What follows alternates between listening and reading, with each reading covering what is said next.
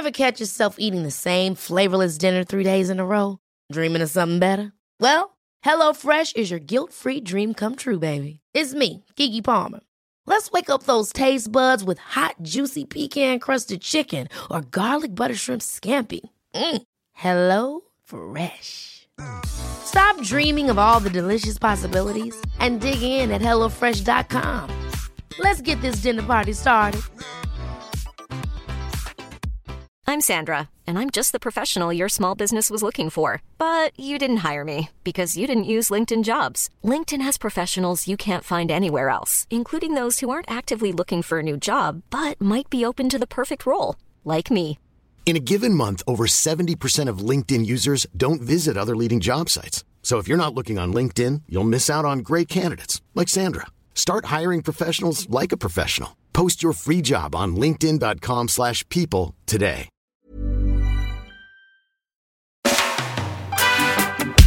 Hej och välkommen att vänta på katastrofen. Brukar jag säga förut Patrik, men sen hände någonting som gjorde att det kändes som att vi liksom är lite mer uppe i katastrofen. Ja, jag har ju fått uppmaningar om att byta namn till Mitt i katastrofen eller något sånt där. Det tror jag, jag tror inte vi är det. Jag är lite pessimistisk där. Jag tror inte vi är mitt i katastrofen. Vi är i början på den. Ja, ja, skönt. Ja. Då så. Då har vi mycket att se fram emot. Eh, jag heter i alla fall Kalle Zackari Wahlström och det här är en podcast om krisberedskap, tror jag man kan säga. Eh, en kris som, som ju river och sliter i ja, stora delar av världen just nu är ju det här med att det är så otroligt dyr el. Eh, och du Patrik har ju tagit, eh, eh, vad säga, eh, vidtagit kraftiga åtgärder mot det här. Alltså ja, jo det har jag ju gjort. Och det är ju inte så eh, kraftiga utan eh, det är ju sånt som man egentligen har prövat genom åren. Eftersom man bor ute i landsbygd, glesbygd så, så har man ju en historia av strömavbrott i alla fall på något eller några dygn. Men det har ju Ja. blivit bättre när de har grävt ner ledningar och sånt där då. Så det, det är inte jättekonstiga sådär då. Va? Jag tänker att det nog, skulle nog vara mer uppoffring för många andra då. Så är det. Just det. Men- Men, jag tänkte på, förra, I förra avsnittet så berättade du till exempel att du, att du eh, duschar i vatten som du har värmt på din vedspis. Mm, just det. Med en USB-dusch ja. Ett, ett eh, litet, liten pump som man sänker ner i en skål eller någonting då som pumpar vatten. Som man laddar upp med en vanlig USB-sladd ifrån någon liten solcell eller vad man vill. Eller vägguttag nu när det finns el då. Det är ju en ganska avancerad elbesparing måste jag säga.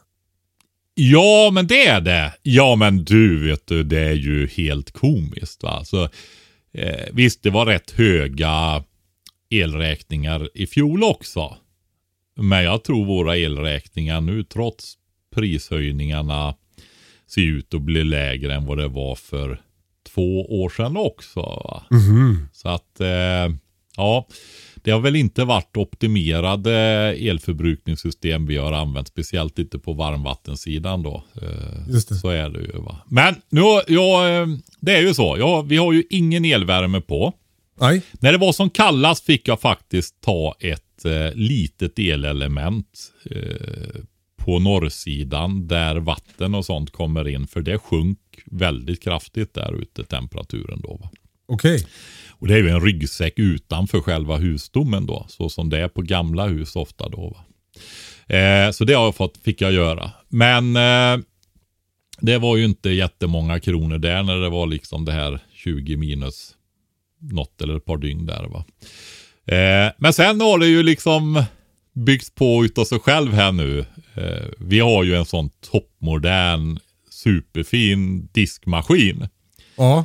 Alltså det går ju knappt och, om man inte räknar tillverkning och transporter och råvaruhantering, alltså där utan själva diskandet bara då så är ju Ja men det går ju åt så lite energi att köra en sån där diskmaskin så du kan ju aldrig tävla med den med handdisk om man säger så. Va? Det blir... Men hur, lite, hur lite energi går det åt när man diskar i diskmaskin? Nej men du, eh, ja det är inte mycket alltså om du har de här moderna som har små vattenvolymer och alltså man, eh, vi diskuterade det jag och min hustru här, för hon var så inriktad på hur långa programmen var. Mm. Ofta är det faktiskt så här att det, är de, det här att pumpa runt vatten och sånt där. Det tar inte mycket. Det är inte många watt alltså. Du vet, är det 20-30 watt eller någonting sånt där så kan du ju köra i 50, 20 watt. Då kan du köra i 50 timmar innan det har blivit en kilowatt. Ja. Alltså det du har prissättningen idag va. Eh, du köper ju en elmängd av 1000 watt i en timme. En kilowattimme va. Eh, och är det då 20 watt, ja då kan du ta det en timme så är det ju 20 wattimmar. Va? Ska det då bli? 1000? Ja då är det ju 50 sådana timmar. Va? Så Det drömmer man ju ofta, ofta om som småbarnsförälder, att man skulle ha 50 diskmaskiner. Ja, ehm, jag, jag har ju givetvis tittat över alla sådana där eh, system. Du vet. Ha, har jag bra tvättlinor? Va? Så, typ så här. Eller har jag tillräckligt med klädnypor? Om vi är många här och vi måste handdiska utan el och sådana grejer. Hur ska det se ut och så. Ja, sånt har jag ju, den nivån har jag ju kommit till. Just då. det. Så. Och. och då var det ju liksom så här att diskmaskinen började ju krångla där och även om vi bara är två så fyllde ju disken på där. Va? Man hade ju vissa förhoppningar om att få, fram, få igång diskmaskinen så det blev inte diskat helt enkelt. Va? Finns det något sorgligare än den där högen med disk som samlas på diskbänken när Nej. diskmaskinen är trasig? Ja, sorgligt, det är ju lite det här att det är ju sunkigt egentligen. va. Alltså det, man, man liksom degraderas på något sätt av det där. Man måste sköta det. Eh, och det skapar ju en väldig, alltså det är ju det där med att ha ordning i köket. Och speciellt om man ska laga mat till familjen Ja. och sånt där. Ja men du vet, det är mycket när man har småbarn och sånt där. Och är det då ordning i köket så blir det så mycket trevligare. va. Så är det ju. Ja. Ja. Men i alla fall, nej men så vi fick ju sätta igång och, och testa det där va. Och givetvis är det så här, jag, jag kan säga så här, diskmaskin var ju det sista vi skaffade nästan utav de vanligaste Okej. maskiner. Ja, alltså jag fattar ju aldrig varför man, jag kände så, men herregud det är ju bara att diska. Varför ska man ha en diskmaskin? Där kände, för mig var det sån där onödig pryl när jag var ung. Jaha. Men eh, sen har man ju vant sig vid den. Så är det. Ehm, så, så, och vi, vi hade diskmaskin i mitt barndomshem i alla fall. Va? Så jag växte ju upp med det. Så att det var inte det. Va? Utan nej, jag tyckte det var det. Men i alla fall, så nu, nu är vi där också. Så nu är det väl bara lamporna, kyl och frys kvar tror jag. Men eh, kan vi ta pannlampa då?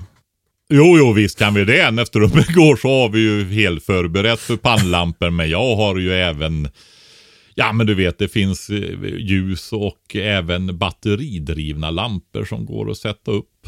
Och sådär så att eh, du får en belysning där du vill ha den och sådana saker när du ska flytta dig i huset och, och sådär. Va? Så jag behöver ju inte gå runt i ett mörkt hus med, med pannlampa heller. Det, är- det är ju då det rasat ännu längre ner kan man väl säga. Men, men så är det ju. Och pannlampan det är ju liksom det är den riktiga basnivån faktiskt. Det är det. Men jag skulle säga också kyl och frys, lampor. Men sen är det ju tvättmaskinen också. Men den kör vi så pass nu väldigt eh, väl placerat på timpriser och så vidare. Så det, det, det, det, är inte långt undan det där att faktiskt ansluta den till elverk och köra den. Va? Så är det ju. Det hade inte skilt mycket. Eh, kan jag säga. Det, det där att springa och tvätta när man vill, det kan du inte göra när du ska köra elverk för du ska dra igång ett elverk och så vidare. Va? Men nu är det ju elpriserna då som vi anpassar oss efter för att pressa den. Och det, det är ju lite så här att Alltså jag, jag har tänkt på det där, vad, hur vi är här i Sverige alltså. Du vet, det är ju demonstrationer och allting va. Och det är ju politiskt skapade problem mycket det här också va. Eh, det är ju så, det kan man inte sticka undan va. Men liksom vi i Sverige, ja hur ska vi göra nu då? Sänka el, elen. Och jag, man får inte glömma att det finns beslut bakom saker och ting. Så är det va. men samtidigt så tycker jag det är jag gillar det där att vi faktiskt är så lösningsorienterade många av oss. va. Samtidigt som jag tycker att det är helt ofattbart sorgligt att gamla får sitta i kalla bostäder och riskera både liv och hälsa va? på grund av de här besluten. Då. Så är det ju. Så eh, ja. Men eh, i alla fall, så ma- där man får förhålla sig till det. Tycka att ah, nu tränar vi, nu är det en Ja, det, rolig det, det utmaning. tycker jag känns inspirerande. Att, att man tänker att det är liksom en träning. Ja, Nej. Det, det känns jättespännande. En grej som jag har lite ångest för när det gäller det här med el, elpriserna. Det är ju eh, plantuppdragningen som drar igång snart. ja, exakt.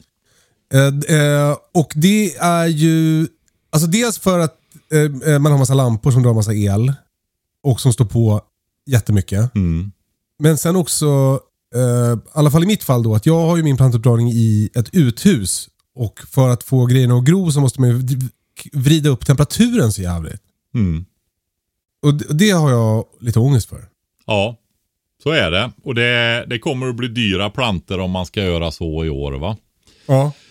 Eh, man får ju fundera på, alltså det finns ju det här med, du har ju solceller. Ja. Eh, jag har ju också solceller som dock inte är monterade än och som är väldigt mycket mindre än det. Det är liksom knappt 1000 watt eller runt 1000 watt kan vi väl säga va. En kilowatt. Ja, precis. Ja. Och då eh, är det ju så att när börjar man med de första plantorna? Januari. Ja, helst första halvan kanske till och med om man har möjlighet och utrymme och så vidare. För då hinner de ju växa lite till innan de ska ut. Va? Så det blir större krukor och sådär. Men, och det går ju att förskjuta den.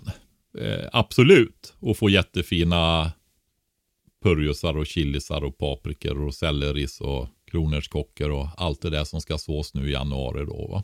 Mm. Men eh, Jag vill bara säga, kronärtskocka tycker jag man kan vänta lite med. ja, det kan man Fe- göra. Början på februari.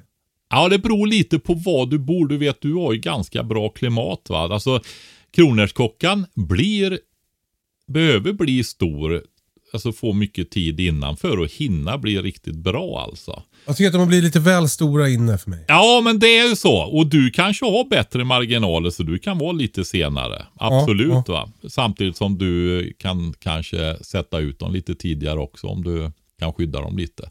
Men eh, på många platser så är det nog så att du måste Ge, vill du ha dem så får du ge dem platsen och kruka om dem med större krukor och så vidare så att de är stora och har rätt bra fart när de ska ut då, va? så att det blir någonting. Just det. Det där är ju egentligen en perenn växt. Så när det inte är så kalla vintrar som vi har här så växer den ju upp igen och ger nya skott och etablerar sig va? och blir mångårig istället. Va? Men- Drömmen. Ja, det finns en del, nu ska vi se, herrgård, heter den så? Det kan du kolla efter om du tycker om kronärtskockor och tycker det är viktigt. Det är, de, jag tycker de är ganska fina faktiskt. Verkligen. Ja, och eh, det finns en som heter Herrgård tror jag. Mm. Så, som du kan ha i bättre delar. Jag tror de har odlat den som perenn i Skåne och sånt där. va. Det, det är ju nästan där du är. Med Östersjön där. Nästan Skåne. Ja men klimatmässigt så är när du ligger så nära havet där så, eh, så har du ju förlängda. Det är ju en stort värmemagasin som värmer på hösten och sånt där va. Just det. Eh, men du, eh, en tanke då kring det här med plantuppdragningen som jag måste bara dubbelkolla med dig. Mm. Den här höga temperaturen som man vill ha, visst är väl det när de ska gro? Alltså många gånger så är det ju det. Absolut. Eh, och chilisar och paprikor tillhör ju de där som vill ha det väldigt varmt när man gror. Va? Så eh, då kan du ställa dem på ett varmt ställe och där behöver det ju inte vara så ljust. Va? Det var det jag tänkte komma till. För jag har liksom pannrummet till exempel. Där blir det svinvarmt, men det är noll ljus.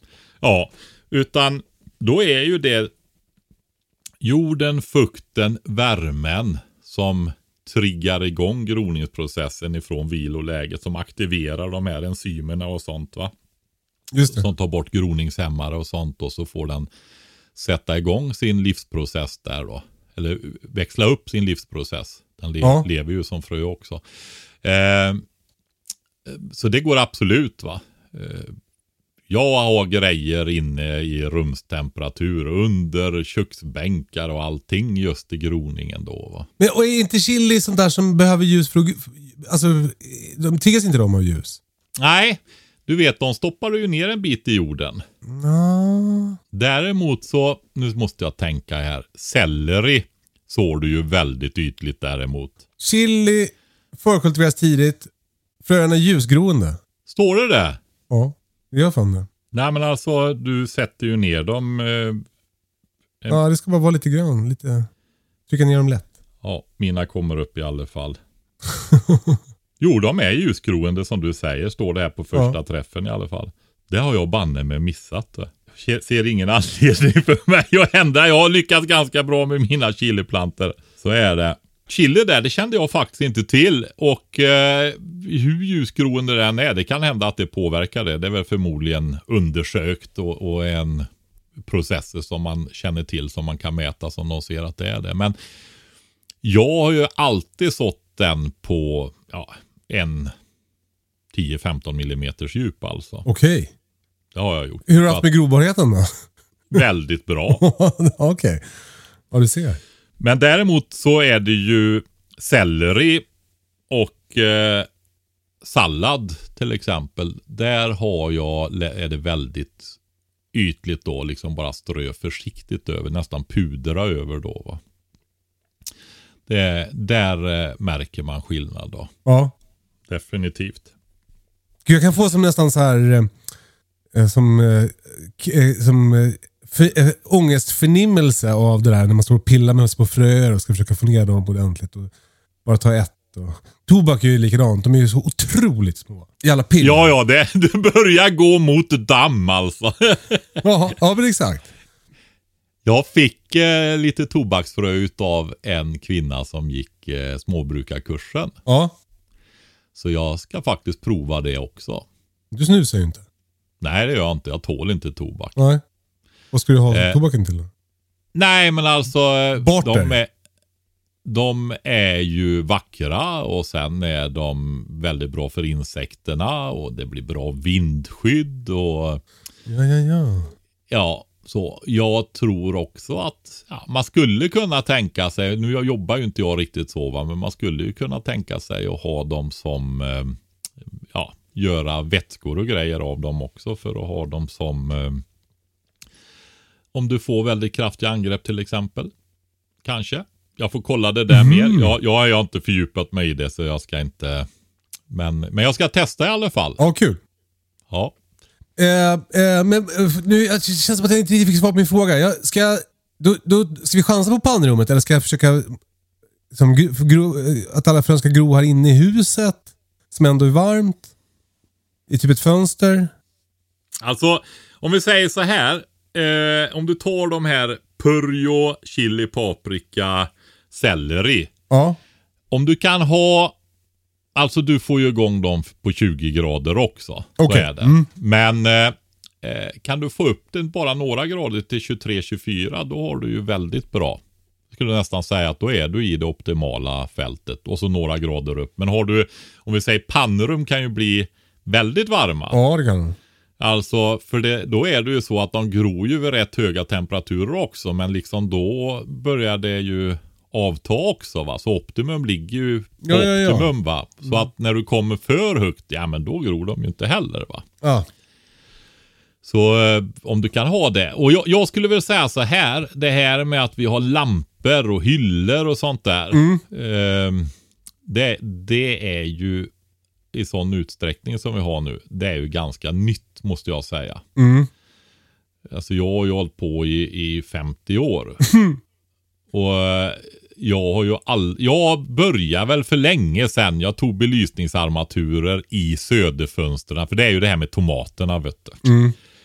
Och få bra tomatplanter. Men sen har man ju lärt sig att hantera så kallade dåliga tomatplanter och få dem bra i alla fall. Va? Det är inte hela världen. Men det är, det är ju roligt med kraftiga satt lätta mörkgröna gör, fina tomatplantor. Va? Så att jag försökte ju få upp eh, hängde lysrörsarmaturer i söderfönstren för att förstärka. Mm. Och sånt har jag ju jobbat med och hållit på då. Va? Men annars måste jag säga de här andra vi pratar om. Den, det är väl, är det 21 det som mörkast nu för tiden i kalendern? Och det är Att, imorgon då. Ja, jag tror att det är mörkaste dagen. Alltså idag när ni lyssnar på podden så är det årets mörkaste dag. Ja, precis. Eh, så att det går ju lite åt rätt håll, men det är ju fortfarande bland de mörkaste. Ja, i Kiruna så tror jag det är andra halvan av januari som de ser solen igen om vi säger så va. Kul för dem. Ja, det är roligt kan jag tänka mig när de får se solen igen där. Ja, om det inte är molnigt. För det är ju så att den är ju under horisonten där uppe eh, under några veckor mitt i när det är som mörkast. Va? Men eh, i alla fall, så att det är ju mörkt så det är väldigt lite ljus. Men de här är ju inte lika känsliga som just tomater och sånt där och de ska vi ju inte så nu i januari. Just det. Så att det går bra med söderfönster och sånt också. Mm. Och är det så att ljuset inte riktigt räcker till, det tar ju, de här tar ju lite tid på sig också. Ja. Så, så liksom, och man kanske inte, när man inte har extra ljus och sånt där, så kanske man inte såg dem de första januari. Man kanske såg dem i slutet på januari istället då. Mm. Eh, och så va. Alltså att man, ja, tar olika variabler och, och försöker optimera utifrån de förutsättningarna som är va. Just det. Och eh, skulle de bli lite gängliga där sen innan ljuset tittar fram ännu mer så är det ju så med chili och, och paprika där att eh, nej men planterar de lite djupare, de rotar sig, skickar ut rötter ifrån skälken där va. Så att eh, de får bli lite stabbigare. För de, behöver, de här är ju som du drar upp och som blir lite större när du sätter ut dem. Då är de ju oftast i krukor va. Mm. Eh, purjolökar, de eh, klipper man ju ner. Mm. Och så kommer det mer ljus och så vidare. Så det löser sig det också. Bara man inte klipper under tillväxtpunkten då. Va? Så man klipper dem ju inte för hårt då. Just det. Där, de måste äh, ovanför där de delar sig. Ja, precis, precis. Så är det. Och ja, nej jag... Eh, Men kommer du inte köra lampor i år? nej, inte nu. Det gör jag inte. Utan nu kör jag som jag gjorde förr innan jag hade en massa lampor och sånt. Jag kör med söderfönstren. Ta bort spännande. eh, de grejerna så som är där. Ja, jag har ju byggt med söderfönster, två stora söderfönster i huset då. Ja. Och, eh, så. så eh, det är väl, de är ju lite smalare givetvis än en, en hylla. Men det är väl i alla fall bortemot fyra hyllemeter i mina söderfönster. Och det finns jättefina smala eh, underbevattningstråg och sånt där också. Just för fönsterbänkar. Va? Eh, vi, vi har ju, jag ska, om folk är intresserade av det. Jag har ju sådana grejer som jag har köpt tidigare då. Men jag har ju, vi har ju ett samarbete med Jordnära med 10% rabatt. Mm. Det är ju ett, ett betalt samarbete får vi säga också då. Va? Men där har vi ordnat 10% eh, rabatt till våra lyssnare på just plantuppdragningsutrustning. Och han har, eh, nu ska vi se om jag kommer ihåg, det var ett tag sedan jag gick igenom sidan där. Men jag tror det är multibrätten eller så. Men om man tittar på underbevattningstråg, brätten och så vidare.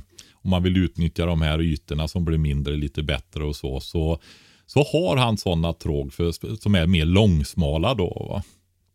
Så ehm, ja, sådana använder jag fast eh, det är nog inte exakt samma märke. Mina är inköpta för ah, 10-20 år sedan. Jag vet inte.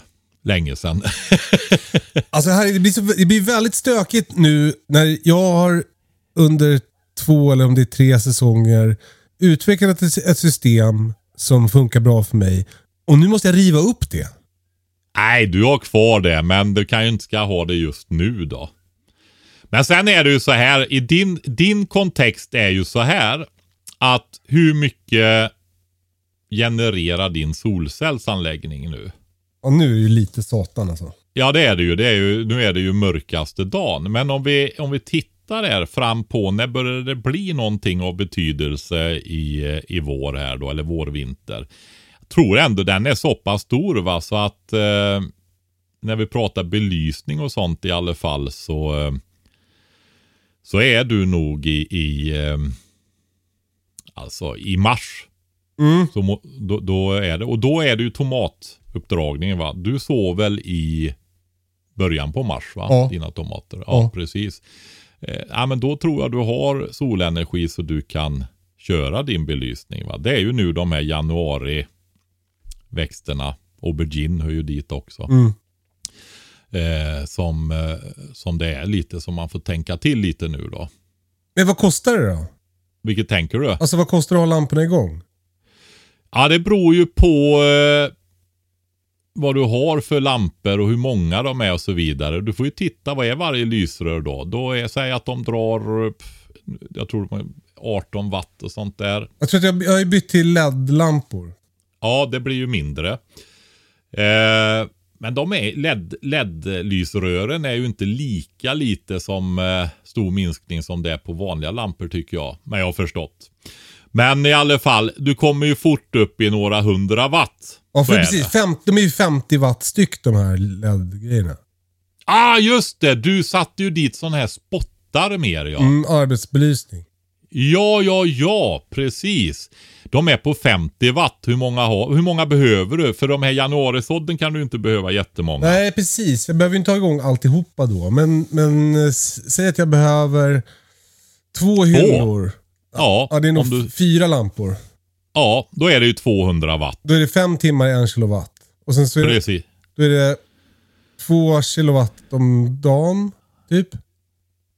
Lite mer. Ja, Få, du har ju ing, i väldigt, du har, ju, har du dem i fönstret där fortfarande Mm. eller? Mm, för då har du ju lite ljus eh, där och då kanske du inte behöver dra iväg och ha extra många ljustimmar utan Ja, men säg att du kör eh, 10-12 timmar då extra belysning. mm. Så ehm, ja, då är det ju 400 watt. Om, vad sa vi nu? Vad blev det? 200 watt. Då kan du köra i fem timmar. Så är det, då är det 2 kilowatt per dag då. Och eh, kostar det 5-6 kronor. Så, så är det ju 10-12 kronor och det blir på 30 dagar då så blir det 150 ju, spänn, det kan det fan vara värt. Ja, om, eh, om blir det kalla perioder så, så är det ju så här att det är ju marginalprissättning. Så att eh, de är ju ganska ute nu och ber oss verkligen tänka oss för när det gäller elförsörjningen då. Va? Men förstår du? Alltså staten säger, ta, var, nog, dra inte mer el än vad ni behöver. Och då brassar jag på 25 grader och, i ett uthus och eh, massa spottar. Ja, jag tänker så här. Gå, gå tillbaka till det där och öva då. Ja, men öva nu på att eh, dra upp planter när det inte finns el. Kul!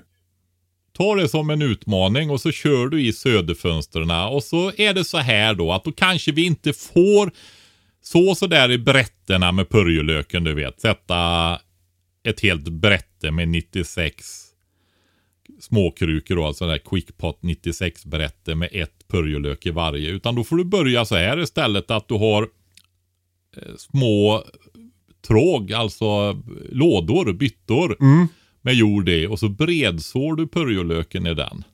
Mhm. Och sen, Det tar ju den väldigt mycket mindre plats. Va? Just du det. vet, då kan du ha tre, hundratals i alla fall i en ganska liten bytta. Mm.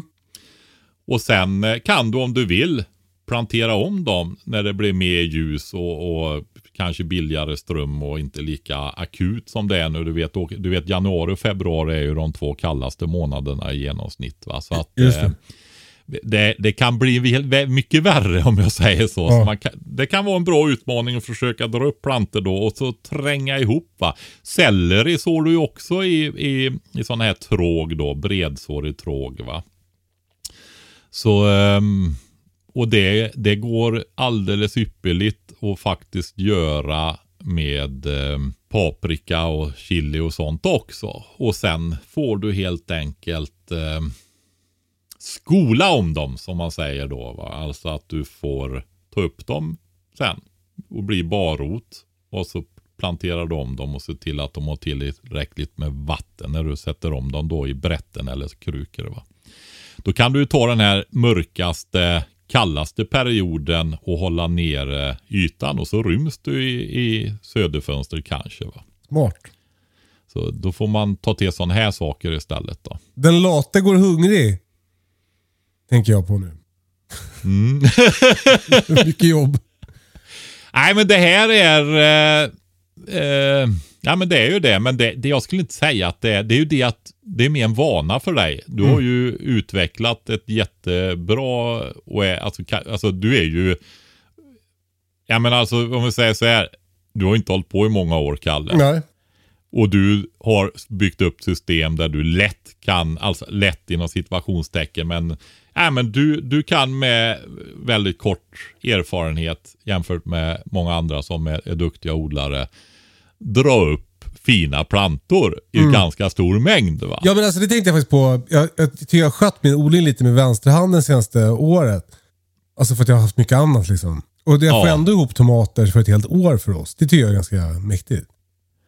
Ja, det är ju, du har ju lärt dig grunden och, och liksom jobbar efter den och så lär du dig lite mer varje år. Va? Ja men just det säger väl något om systemet tänker jag. Att jag har liksom ett bra system om, jag, om det inte kräver så mycket jobb för mig att odla ett helt års tomater. Ja, Nej, men det blir ju sådär. Man får göra några insatser. Exakt. Och bara man vet vad man ska göra och när man ska göra det och att man har ett bra system i grunden liksom så att det är, då, då är det extremt arbetsbesparande va. Det är lite synd att det här med krånglet med plantuppdragningen kommer det året när jag ska fylla 130 kvadratmeter extra växthus för första gången. Du, men, eh, nej men då, alltså det gäller ju, du får hit, du har ju de här grejerna nu som vi har pratat om här som du kan eh, laborera med. Och så får du försöka optimera utifrån givna förutsättningar då va. Jag odla grejer som tar mycket plats. Murgröna och ormbunkar. Nej, men alltså du vet att om man jobbar med, ja men tänk dig förr i de professionella plantskolorna, de hade ju ingen elbelysning, alltså slutet 1800, början 1900-tal, de hade ju ingen elbelysning. Nej men odlar inga tomater eller? Jo, för tusan, det gjorde de i sina växthus och sånt, det gjorde man. Kanske, jag vet inte exakt när de började det, men i, i kanske andra länder, Storbritannien hade ju en väldigt utvecklad eh, trädgårdskultur och det har vi haft också. Eh, just tomater vet jag inte, men det finns ju, fanns ju mycket annat sånt där som man odlade och man var duktig på liksom att hålla igen. Du vet, du hade kanske några varmbänkar där du kunde börja tidigt och dra upp planter och så ville du ha många planter. Lönsamhet hade, krav hade ju de och så vidare då. Va? Så, så blev de duktiga på det helt enkelt. Använda lite yta, lite energi genom att tillföra omskolning, omplanteringar och så bre ut det efterhand som värmen stiger och man får större ytor och mer ljus och så. Va? Så att eh, ja, ja, men det går att göra det. Och ta det, ta det här med, det, det här är ju också beredskap faktiskt att eh, hur man än vänder och vrider på det så är det ju så att om man tar beredskapen på allvar fullt ut så är det ju så att där är det, finns det ingen el va. Nej. Så är det. Så att ta det som en rolig utmaning. Du får ta det som ett av eh, de där projekten som du lägger lite tid på och så lär du dig det i år helt enkelt. Kul! I'm Sandra, and I'm just the professional your small business was looking for. But you didn't hire me because you didn't use LinkedIn jobs. LinkedIn has professionals you can't find anywhere else, including those who aren't actively looking for a new job but might be open to the perfect role, like me.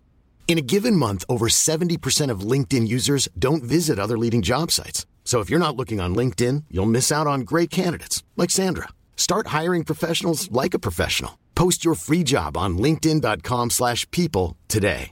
Life is full of awesome what ifs, and some not so much, like unexpected medical costs. That's why United Healthcare provides Health Protector Guard fixed indemnity insurance plans to supplement your primary plan and help manage out of pocket costs. Learn more at uh1.com. Hold up. What was that? Boring. No flavor. That was as bad as those leftovers you ate all week. Kiki Palmer here, and it's time to say hello to something fresh and guilt-free. Hello Fresh. Jazz up dinner with pecan-crusted chicken or garlic butter shrimp scampi. Now that's music to my mouth. Hello Fresh. Let's get this dinner party started. Discover all the delicious possibilities at hellofresh.com.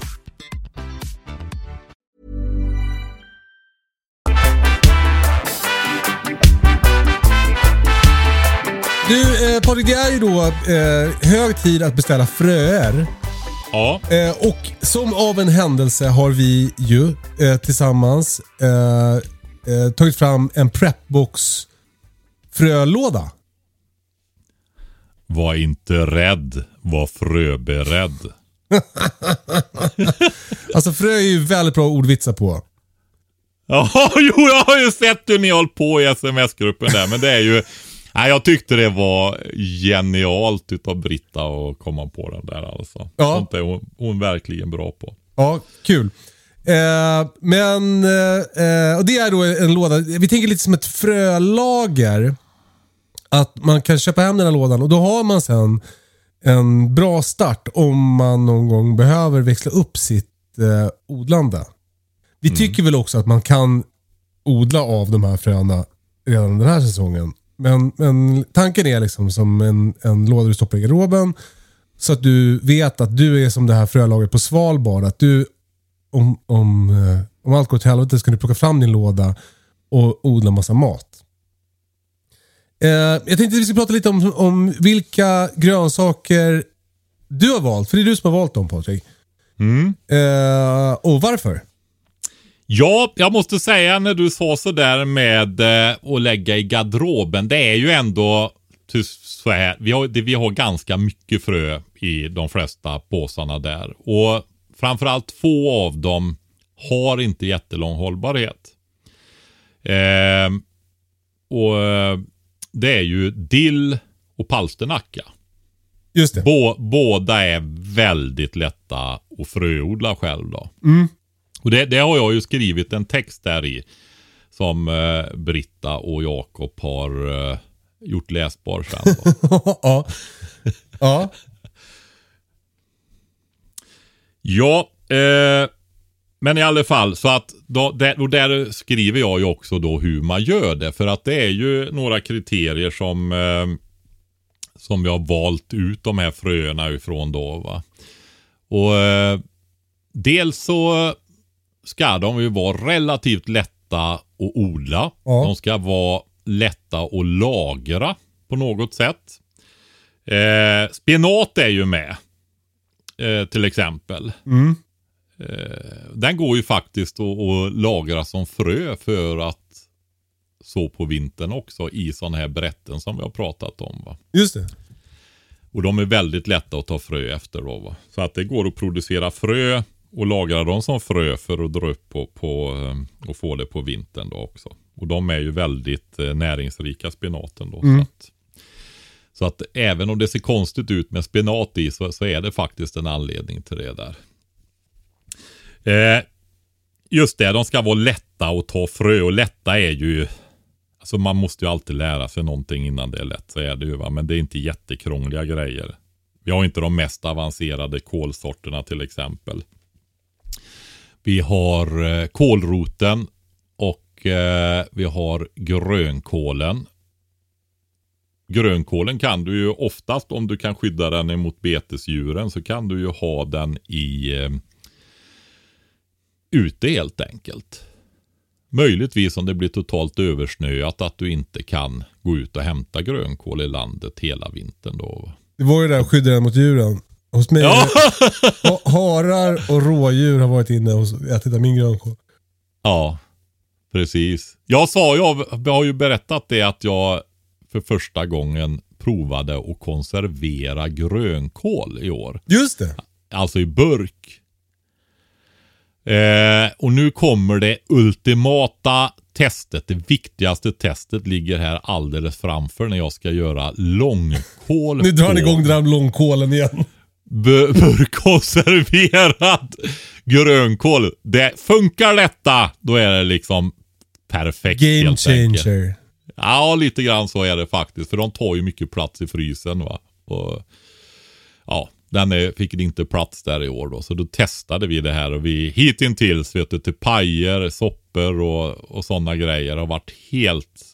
Eh, ja, även i... Eh, nej men alltså du fräser med dem då i röror kan man väl säga. Stekta röror och sånt där. Så funkar hur bra som helst. Man trodde ju det skulle bli någon slime liksom och tryckkoka i 121 grader i, i en timme. Eh, drygt till och med tror jag vi gjorde på dem. För det är de stora burkarna då. Men det blev ju inte det vet du. De är ju fasta och alltså förvånansvärt fasta och fina då. Men gud vad härligt. Ja, det är det. Så, så de går ju också att konservera. Så är det. Nej, men sorterna är också utvalda för att i huvuddelen, bor man på extrema ställen så går det inte att odla allting. Så är det ju va. Men om man undrar vilken växtzon vi eh, rekommenderar då? Vad skulle du säga då? Alltså, all, jag bor ju i växtzon 5 Ja. uppe på 320 meter över havet i bergen. Så att eh, jag kan ju odla i princip alltihopa här. Va? Det man får säga då det är ju det att eh, när det blir kärvare så kanske man får förflytta vissa grejer till eh, växthus. Så är det va. Vilket då till exempel? Ja det är ju chili och paprika. Eh, Och tomat. med. Ja, och tomaten. Men då är det ju samtidigt så här att eh, ja, till exempel har vi ju en vintersquash också som är storvuxen. Som behöver hyfsat lång säsong då för att få alltså en vegetationsperiod som är ganska lång då. Mm. Så att eh, den kan ju också behöva, normalt sett så drar du upp en sån tre fyra veckor innan för den blir ju ganska fort rätt stor. Ja.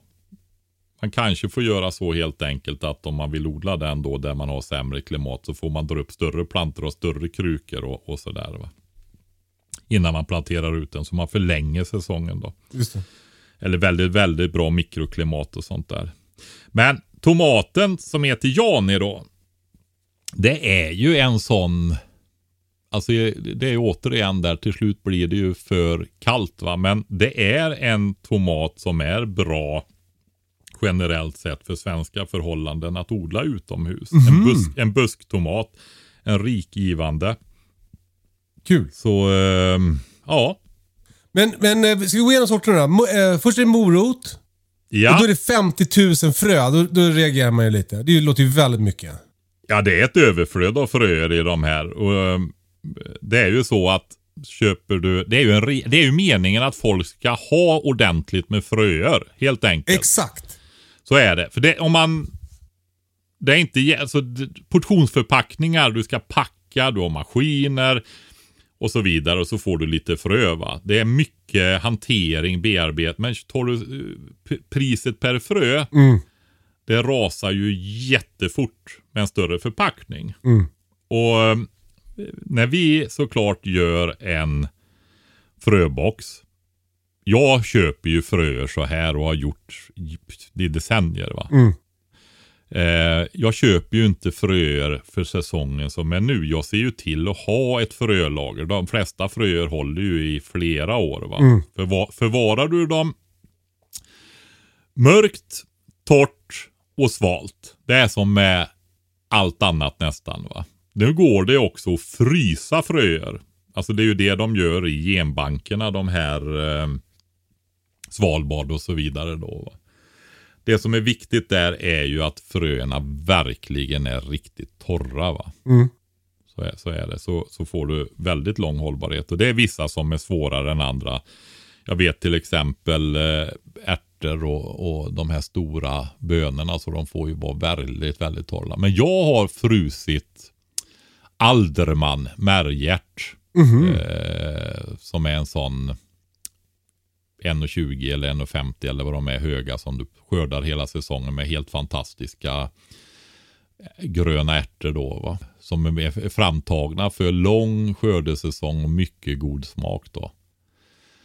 Eh, där frös jag i i alla fall fem år. Och funkar det så? Jajamensan, det var väldigt hög grobarhet. Gud vad kul.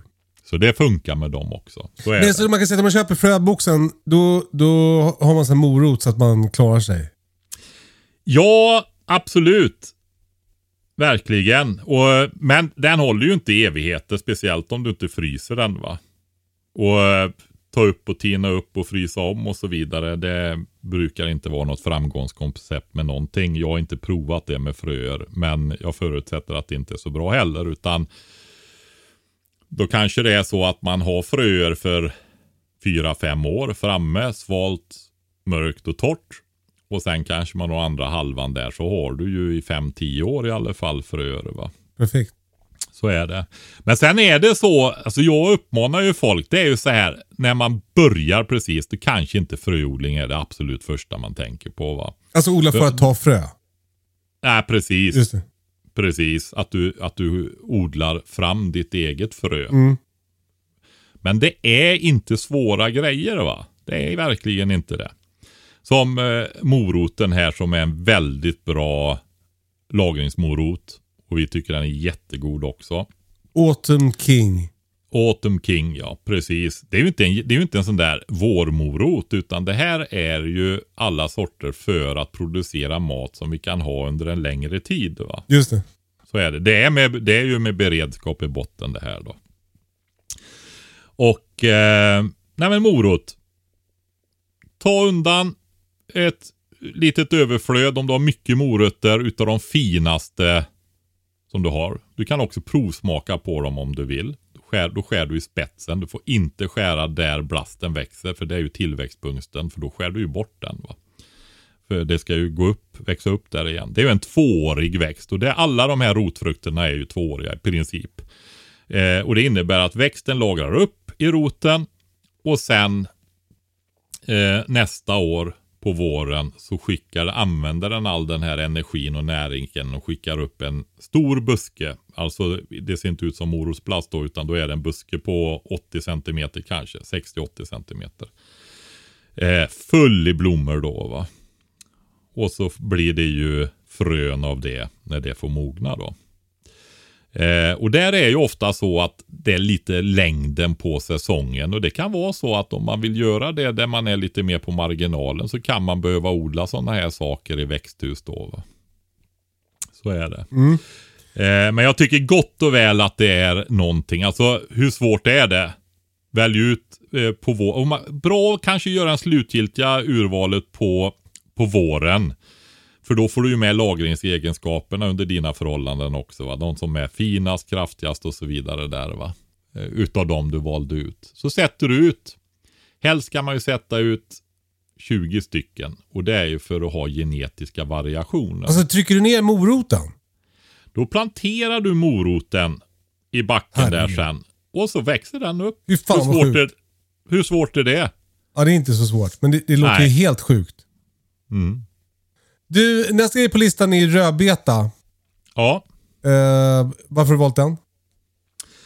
Nej, men det är ju en sån allsidig eh, eh, rödbeta som funkar till färskkonsumtion, inläggning och ja, förvaring i, i, på samma sätt som morötterna då. Va? Så de inte torkar eller blir för blöta. Bondböna gillar du? Ja, den är ju given. Den är ju den här eh, potatis och kommer ju inte med i fröboxen. Alltså det får man ordna på annat sätt. på. Ja, den är ju given också potatisen va. Och då är ju det som jag alltid säger just det här att odla bondbönan tillsammans med potatisen. Just det. Där, där är det dock så här att blötlägg alltid bondbönan. När du ska sätta potatisen så blötlägger du bondbönorna dagen innan så de ligger och fuktar upp för de är ju stora och torra. Va? Det tar tid för dem att komma igång annars och blasten eller mo, eh, potatisen kommer ju igång. Speciellt ju mer du har förgrott den. Man kanske inte behöver vara Alltså de flesta potatissorter kommer ju igång eller du får bra färdig potatis. Du behöver inte forcera den vanliga lagringspotatisen till att, dra igång jättetidigt och så egentligen. Va? För vad som kan hända då om du samodlar bondbönan och potatisen som egentligen trivs väldigt bra ihop. Gillar att bli kupad och alltihopa det här. Kompl- det. kompletterar varandra väldigt, väldigt bra. Så, ehm, så kan potatisblasten, om det är en med mycket blast, kväva bondbönan då. Va? Så är det. Så det, den be, det behöver man få ihop det och det, det får man ju lite variabler att tänka med då. Va? Men annars är ju den jättebra. Det är också en sån kombination av potatis och bondböna. Alltså det här eh, bondbönsmoset bland annat. Då får du ju ett väldigt, väldigt bra fullvärdig mat egentligen.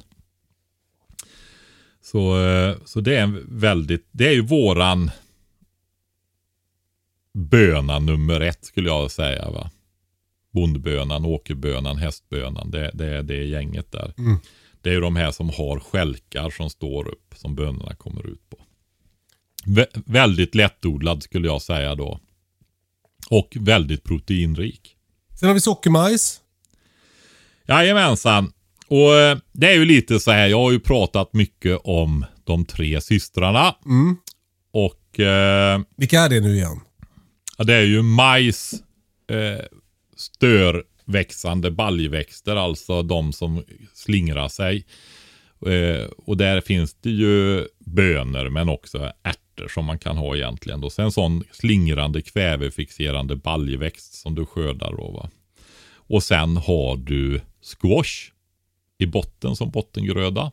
Eller vin vintersquash, pumpa, någonting sånt som marktäckare under. Då, då får man tänka på att man kanske inte packar ihop allting för mycket för då kommer du inte kunna gå in där.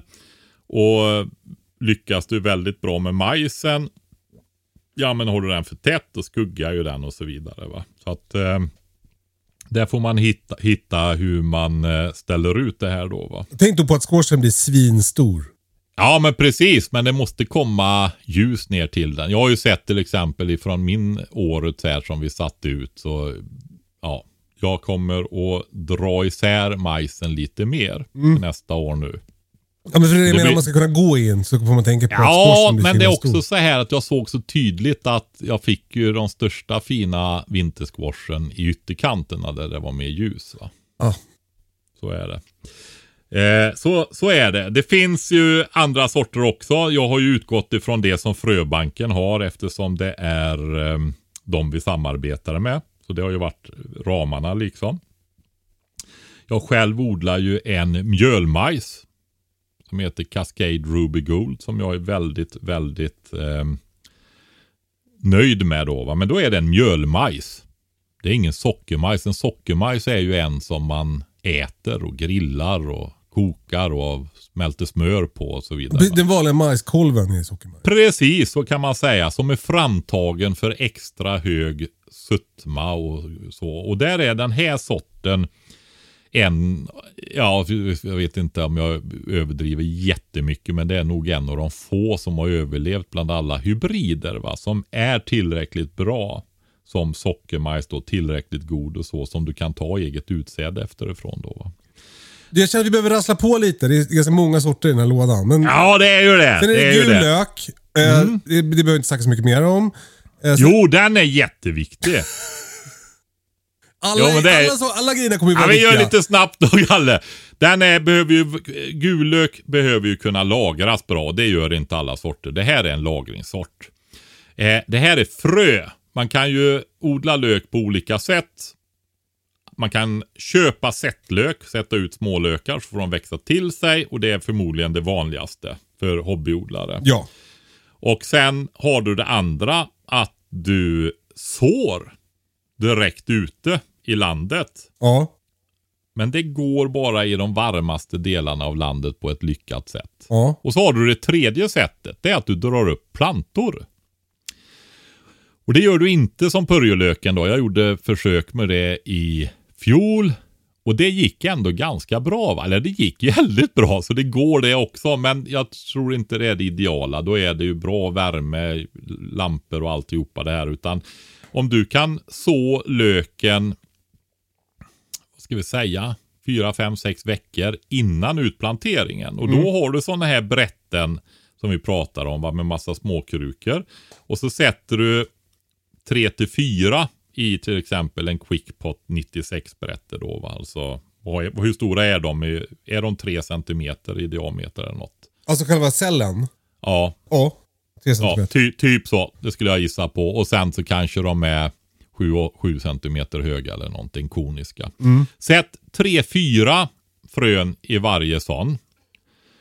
Och sen sätter du ut dem som en plantgrupp. Men istället för att ha 7, 8, 10 centimeter mellan sättlökarna så sätter du 20 centimeter. För då har alla de plats och får plats med rötter och så vidare. Så trycker de isär varandra och blir stora och fina i alla fall. va. Jaha. Och sen när du skördar dem, ja men då skördar du ju alla på en gång. Då får du tre, fyra lökar med dig varje gång istället för Ja, en. perfekt. Vad smart.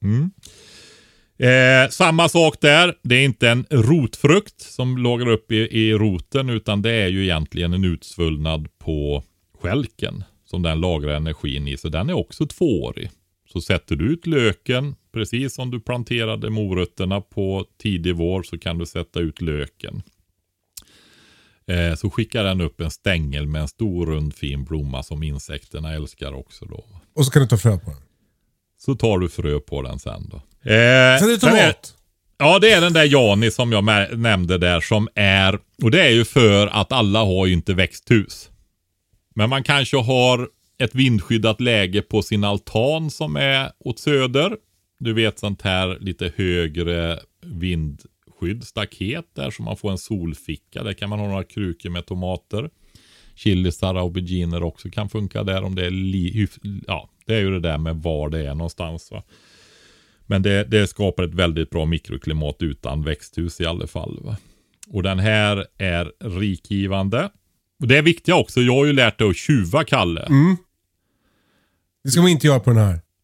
Nej, busktomater tjuvar man inte utan de ska ju gå upp och bli förgrenade. Va? Just det. De andra vill du ju att du planterar du ganska tätt och så får de skicka upp den här långa huvudstammen då. Det där är så roligt varje år för jag, skriver, jag är så här dålig på att skriva upp vad det är för sorter. Så att jag, jag får alltid chansa lite på om det är busk eller inte när jag ska tjuva. ja, Det går precis. olika bra. Ja, ja men du, jag- det, jag kan säga att jag har också det problemet. Åh, vad låg den här tomaten. Den blev så stor, en stackars stängel upp där så var det en busktomat. Men jag försöker undvika att ha busktomater i, eh, i växthuset. Men det, det, det kommer med ändå och då i alla fall, så är det. Purjolöken då. Där får man tänka på att det finns höst och vintersorter. Eh, vintersorterna är ju de som är härdigast. Det här är också en som du i stora delar av landet faktiskt kan ha ute över vintern. Men den fryser ju fast va. Men då kan du skörda eh, ja, tidigt på våren och sånt där. Men vad som händer där är ju att den ganska fort då andra året skickar upp en blomstängel också då och ska börja gå i blom och utveckla fröer. Va? Eh, den förvarar jag i en hink eller låda med lite högre kanter, sån där förvaringslåda eller någonting. Som jag fyller med sand eller torv i botten. Som jag fuktar upp och så låter jag en del, säg 3-4 centimeter ungefär utav rötterna vara kvar. Så kan jag vattna så håller de sig fräscha där och se till att det är lite fuktigt. Som en krukväxt står de packade i en sån där hink eller så. I ett svalare, svalare del av huset då, va? garage eller. Och det, de är inte jättefryskänsliga så det gör inget om det råkar bli lite minusgrader. Beroende på sort då. Men det här är tanken. Eh, att det ska vara vinterhärdig sort där då. Va? Sen har vi squash och vinter, vintersquash.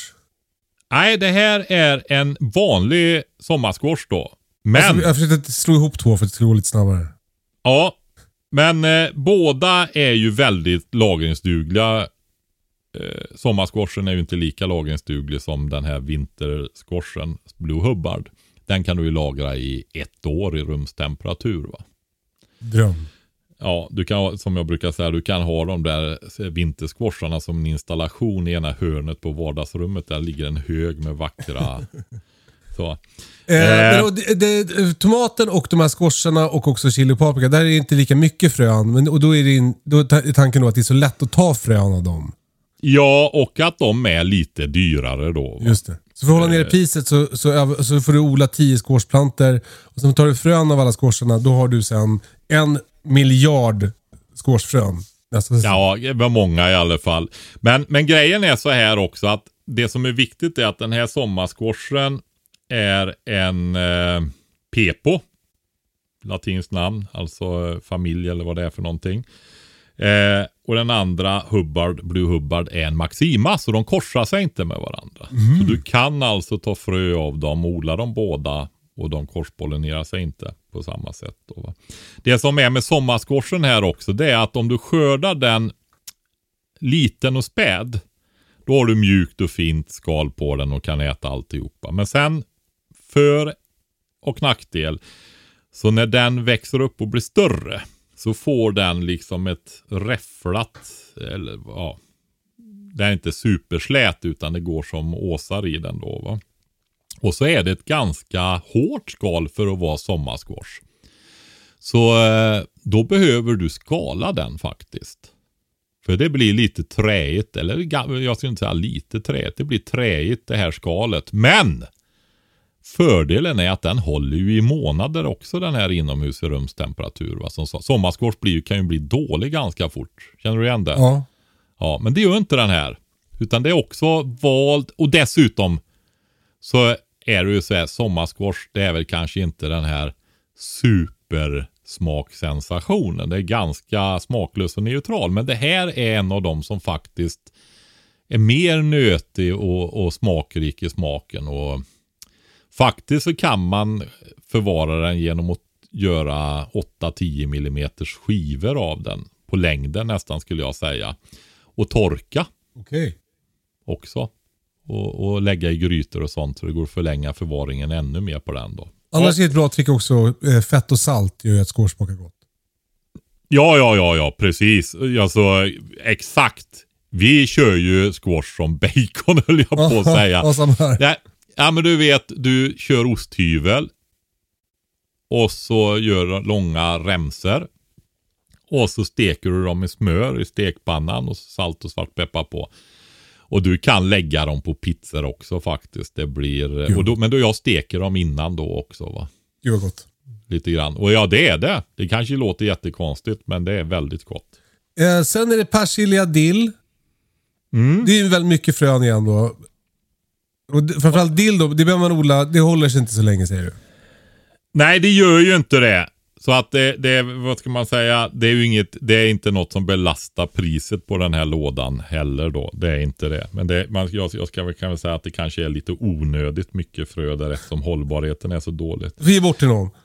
Ja, det kan man ju dela med sig av. Men framförallt så är det också så här att dill är ingenting som man ska snåla med. Om man, speciellt inte om man gillar dill. Men det är nästan som man inte ska snåla med den fast man inte gillar den heller. Nej men alltså, det är en sån där växt så har du lite utrymme så odla den i överflöd. Ja. Eh, och det är också därför att ja, men då kan du alltid gå och hämta och det finns hela tiden. Man kan så den i omgångar också, så man har det är ju blad, stjälkdill då, eller bladdill först va. Och sen kan du ju ta krondill och blommorna och sen kan du ta fröna också och använda som krydda om du vill. Men framförallt så har du ju utsäde igen då. Va? Men då är det också så här att insekterna gillar ju dillen väldigt, väldigt, väldigt mycket. Så du, är det så att de är helt nerkapade liksom på sensommaren där. ja, Då har du odlat för lite. Då finns det ju ingenting till växterna va? Eller insekterna. Just det. Så är det. Så att eh, gärna, och det, det är så skönt att ha det här överflödet och bara gå och hämta också. Va? Det, myntan har vi ju till te som växer på olika ställen runt träd och sånt där. Du bara går och hämtar. Det, du, du behöver aldrig bry dig för det finns alltid. Underbart. Liksom. Ja det är det faktiskt. Så, så är härligt att ha persilja också. Alltså persilja är Jajamensan. otroligt. Man känner sig så rik när man har mycket. Mm. Och de är ju med. Alltså det, smaken är olika va, så är det. Men någonstans så har jag valt att ha med dem i den här lådan därför att det är på något sätt basen i vårat, vårat kök helt enkelt. Med det som vi kan odla och det vi har här va. Mm. Som är beredskap. Avokado är inte våran beredskap. Lite synd. Eh, sen är det, Ja det är det. Det är det verkligen. Jag älskar avokado. Sen är det paprika och chili. Och det har vi ju snackat ganska mycket om eh, idag, hur man odlar chili och sådär. Eh, och det är samma sak där. Det är inte så många fröer av varje, för de är dyra och det är väldigt lätt att ta frö av dem. Ja, men du jag måste säga alltså det med avokado. Ja. Vi har ju sån, gjorde du sån bondböns? Nej, det har jag inte gjort ännu, men jag är väldigt Nej. peppad. Bondböns Ja, guacamole. Jag berättade för Britta också, hon blev helt superpeppad. Ja, test, satsa på det nästa år så att du verkligen får fram det här och göra det.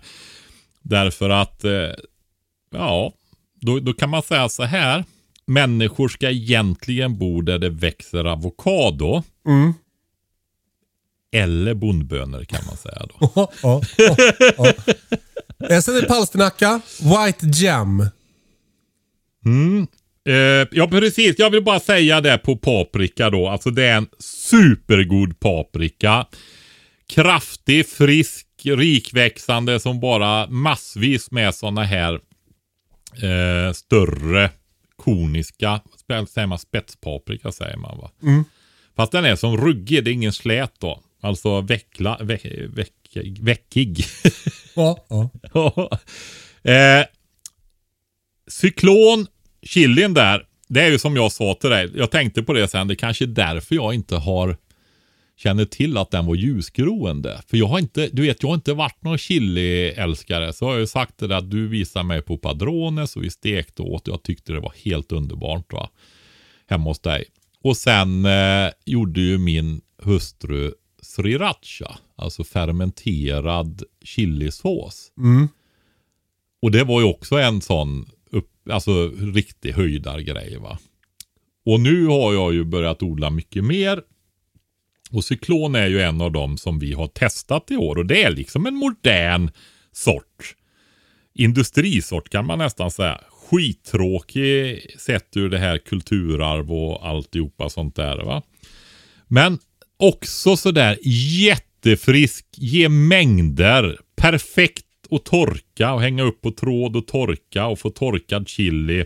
Perfekt att göra sriracha och fermentera den och perfekt till eh, färskkonsumtion också va. Så ska man välja, ja, jag valde den i allt. Ja. För den är, ska man ha en chili så tyckte jag den var perfekt. ja.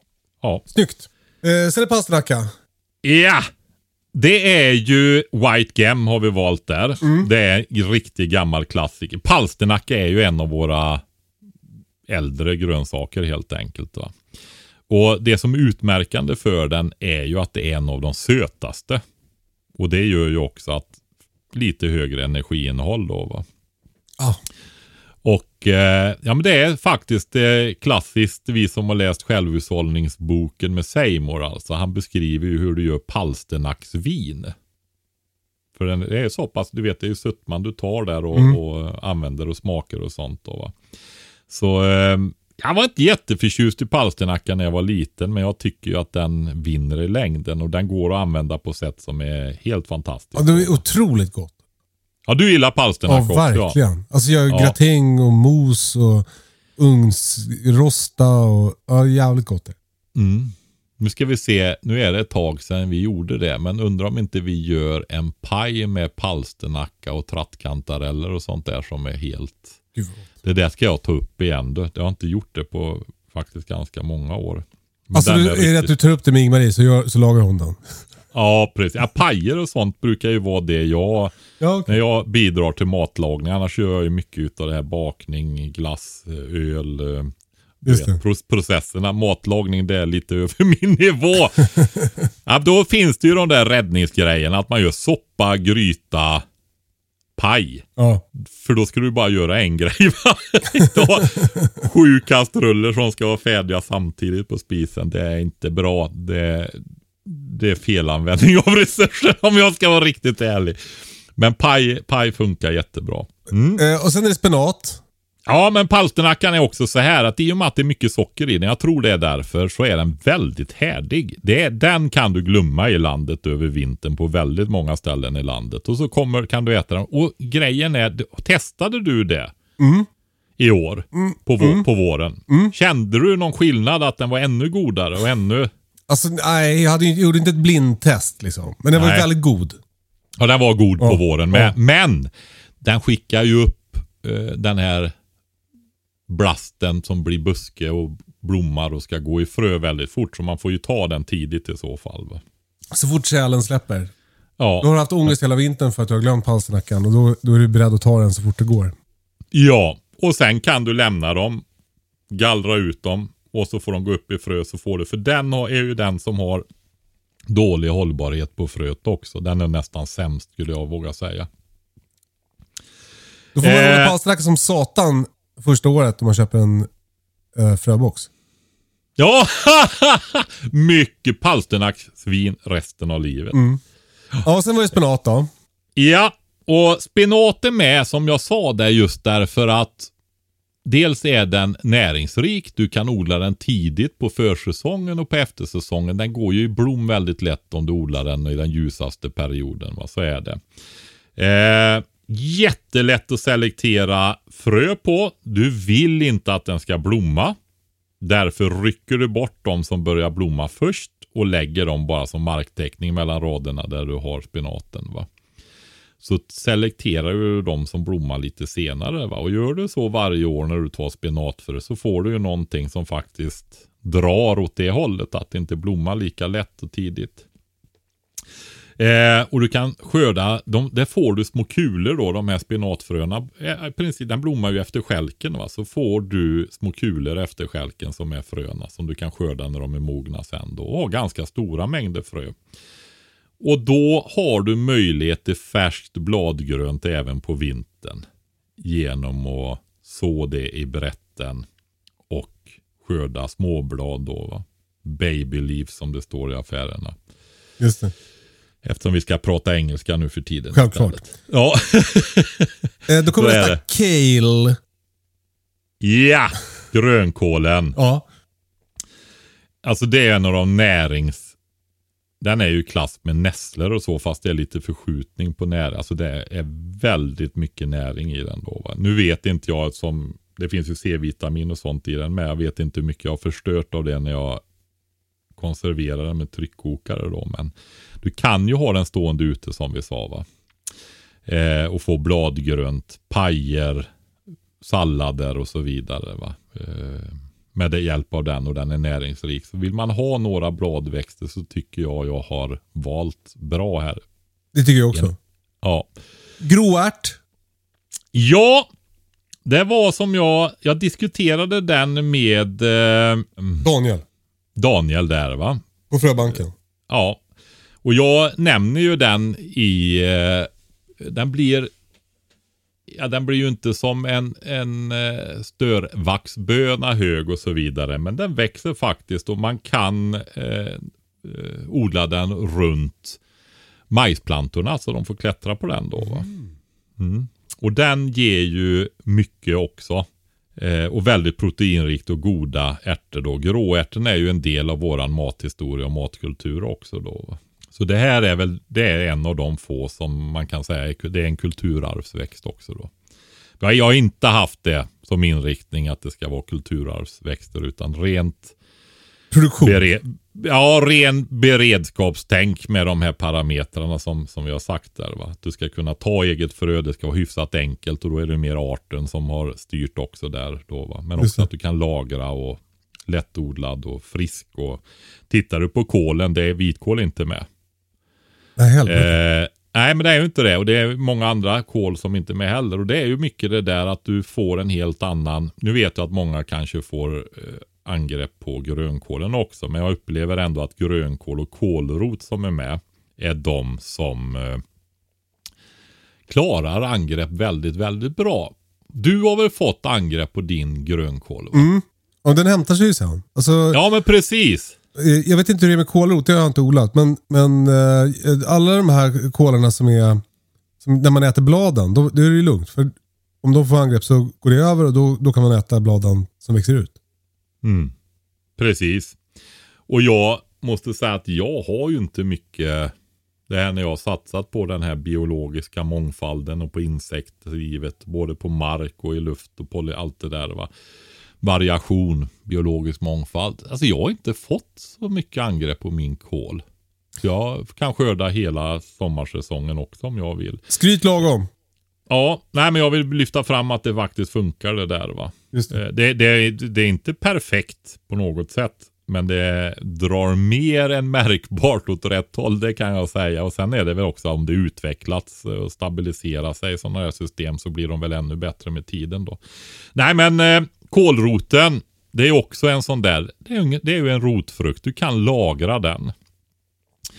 Och eh, samma sak där, sätt ut den här roten på våren så kommer det upp en buske. Nu är det dock så med kål. Man kan odla, ta kolfrö. Men den får inavelsproblematik. Jag är inte superexpert på exakta varianter och familjer av kolväxter och så vidare. Om det är lika känsligt alltihopa. Men generellt sett så är det, om jag sa 15 till 20 för att hålla en långsiktig genetisk spridning på en annan, eh, de andra rotfrukterna och så här. Så kanske man nästan pratar om 100 när det gäller kolväxter. Men däremot så kanske du kan få fram och förlänga ditt frö någon eller några par generationer innan det ballar ur med färre växter också. Va? Eller också så samarbetar man, att man har en sort som man tycker är väldigt bra och samarbetar med andra odlingsintresserade runt omkring sig och hjälps åt att ta fram frö. Och så blandar man det här fröet. Just Nej, men tänk, tänk, tänk att du är fem stycken som har 15-20 kålrotsplantor att ta frö efter. Och så blandar ni fröet sen och fördelar. Då får ni ju en genetiska variationer i alla fall. Va? Smart. Ja, och man behöver ju inte ens göra det samma år heller. Utan det går ju att fylla på. För de håller sig i, i kol håller i, i hyfsat många år också då. Va? Men sen är också kålrot är ju inte bara rotmos. Jag gillar ju rotmos. Eh, kålrot är ju också ugnsbakad framför allt. Den blir ju så god när man bakar den va. Den gör ju verkligen det. Men sen är ju favoriten som vi har upptäckt, min hustru gjorde det för några år sedan här. Strips av kålrot. Gud vad gott. Ja, det, alltså, om man har varit och testat sån här eh, sötpotatisstrips och sådana här saker och verkligen gillar det på hamburgerrestaurangerna och sånt där. Så är det här ännu bättre. Och lättare att odla. Ja, mycket lättare att odla. Jag skulle säga, för, för mig är det så här. Eh, kålrot är lättodlad skulle jag vilja säga. Men jag drar alltid upp plantor där också. Och det gör jag av, av grönkål med. Därför att eh, du har det här med jordloppor och sånt också. Så de matta älskar ju små, du vet, små, små nygrodda kolplantor med två hjärtblad som tittar upp. Så, ja, så står det en liten pinne om du böjer den ner och tittar så har de ätit upp det. Va? Så eh, skicka, sätt ut en planta som är, har försprång. Så eh, går det bra. Och eh, de är ju storvuxna de här också och höga så att det är ju inte alltså stör ut ogräset i omgångar några gånger och så är det inte hela världen om det blir lite ogräs under sen. Speciellt inte om det är våtarv med små rotsystem och sådana där grejer. Va? Du jag måste sluta nu för nu får jag besök. Men Ja. vi sammanfattar lite. Men, men eh, kan man säga att den här lådan är liksom dels eh, eh, som de andra prepboxarna en, en, en försäkring mot tomma magar. Eh, som man kan spara hemma. Men också ett sätt att komma igång med sin odling om man drömmer om det. För man får alla sorter som man, som man behöver för att komma igång. Ja, vi är ju tydliga med vad vi har haft i åtanke när vi har valt sorterna här va. Och eh, är det så, alltså en del älskar, tänk att få sitta med frökatalogerna och gå igenom och välja och lära sig och så vidare. Men om man samtidigt funderar mycket över vad detta är så få, har vi ju gjort det åt dem nu. Så eh, det funkar eh, så. Men samtidigt så är ju det här också en eh, uppmaning, inspiration till att faktiskt ha lager av frö hemma. Att titta och lära sig hur länge håller de enskilda fröerna och sånt där. Va? Och eh, i, lite i förlängningen också att ta eget frö, odla fram eget frö också. Det är inte svårt. va. Det är verkligen inte det. Det blir en av årets, eh, ett av årets projekt helt enkelt. Och sen är det ju så när det gäller plantuppdragningen där då att eh, Aubergine var ju inte med här. Alltså man hade ju kunnat fortsätta så hade man ju varit uppe i 30-35 va. Men eh, ja, då, ja, 2 500. Ja du vet. Så det här är väldigt lagom och man kan givetvis komplettera med, med fler grejer om man tycker det är viktigt. Men det är en superbra grund med det som funkar att odla i huvudsak då. Va? Kul! Jag känner mig jättestolt över att vi har tagit fram den här produkten. Jag tycker det känns... Ja, jag tycker det är roligt. Och jag, jag vill ju säga så här, vi har ju också påbörjat ett samarbete med en förskola Just som jobbar med beredskap och som har det här med na en naturförskola. Eh, Bergens framtid heter de. Och eh, de odlar ju på flera hundra kvadratmeter. Mäktigt. Där barna osår och odlar och hämtar till deras egen kokerska och så vidare. Va? Så, och de eh, har vi börjat ett eh, samarbete med då, va? i det här. Så vi ska ha utbyte av varandra helt enkelt. Och Kul. inspirera andra. Och de kommer att- att, hjälpa oss att provodla allting och eh, ta fröer och, och ha sig. Ja, men just det här också att de har den här kombinationen som vi försöker med det här med småbrukare, förståelse för naturen, odla, hantverk och alltihopa det där. Och beredskap. Så det är ju, det är ju perfekt förskola att samarbeta Vi, med. vi får prata mer om det eh, en annan gång Patrik. Nu måste jag gå. Ja, Stort tack för att du lyssnar. Eh, Prepbox.se är adressen för frölådan. Om du har några tips på hur man gör för att dra upp planter elsnålt. Mejla hej katastrofen.se. och gärna frågor med. Det är ett tag sedan du har sagt det Kalle. Ja, precis. Ställ gärna Oj. frågor där också. Det tycker vi är jättekul.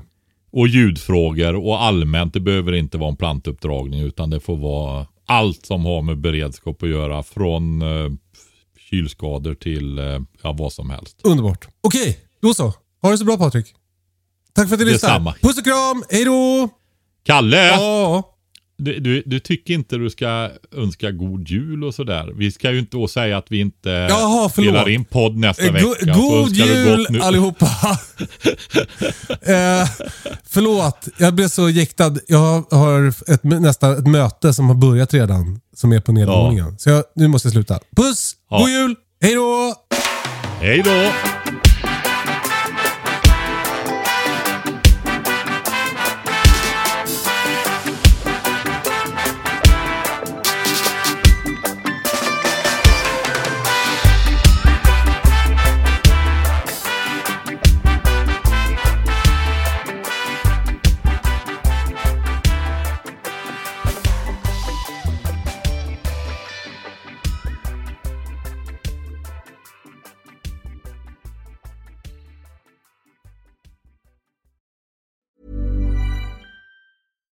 Hi, I'm Daniel, founder of Pretty Litter. Cats and cat owners deserve better than any old fashioned litter. That's why I teamed up with scientists and veterinarians to create Pretty Litter. Its innovative crystal formula has superior odor control and weighs up to 80% less than clay litter. Pretty Litter even monitors health by changing colors to help detect early signs of potential illness. It's the world's smartest kitty litter. Go to prettylitter.com and use code ACAST for 20% off your first order and a free cat toy. Terms and conditions apply. See site for details.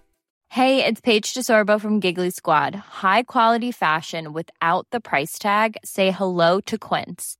I'm snagging high-end essentials like cozy cashmere sweaters, sleek leather jackets, fine jewelry, and so much more. With Quince being 50 to 80% less than similar brands. And they partner with factories that prioritize safe, ethical, and responsible manufacturing. I love that. Luxury quality within reach. Go to quince.com slash style to get free shipping and 365 day returns on your next order. Quince.com slash style.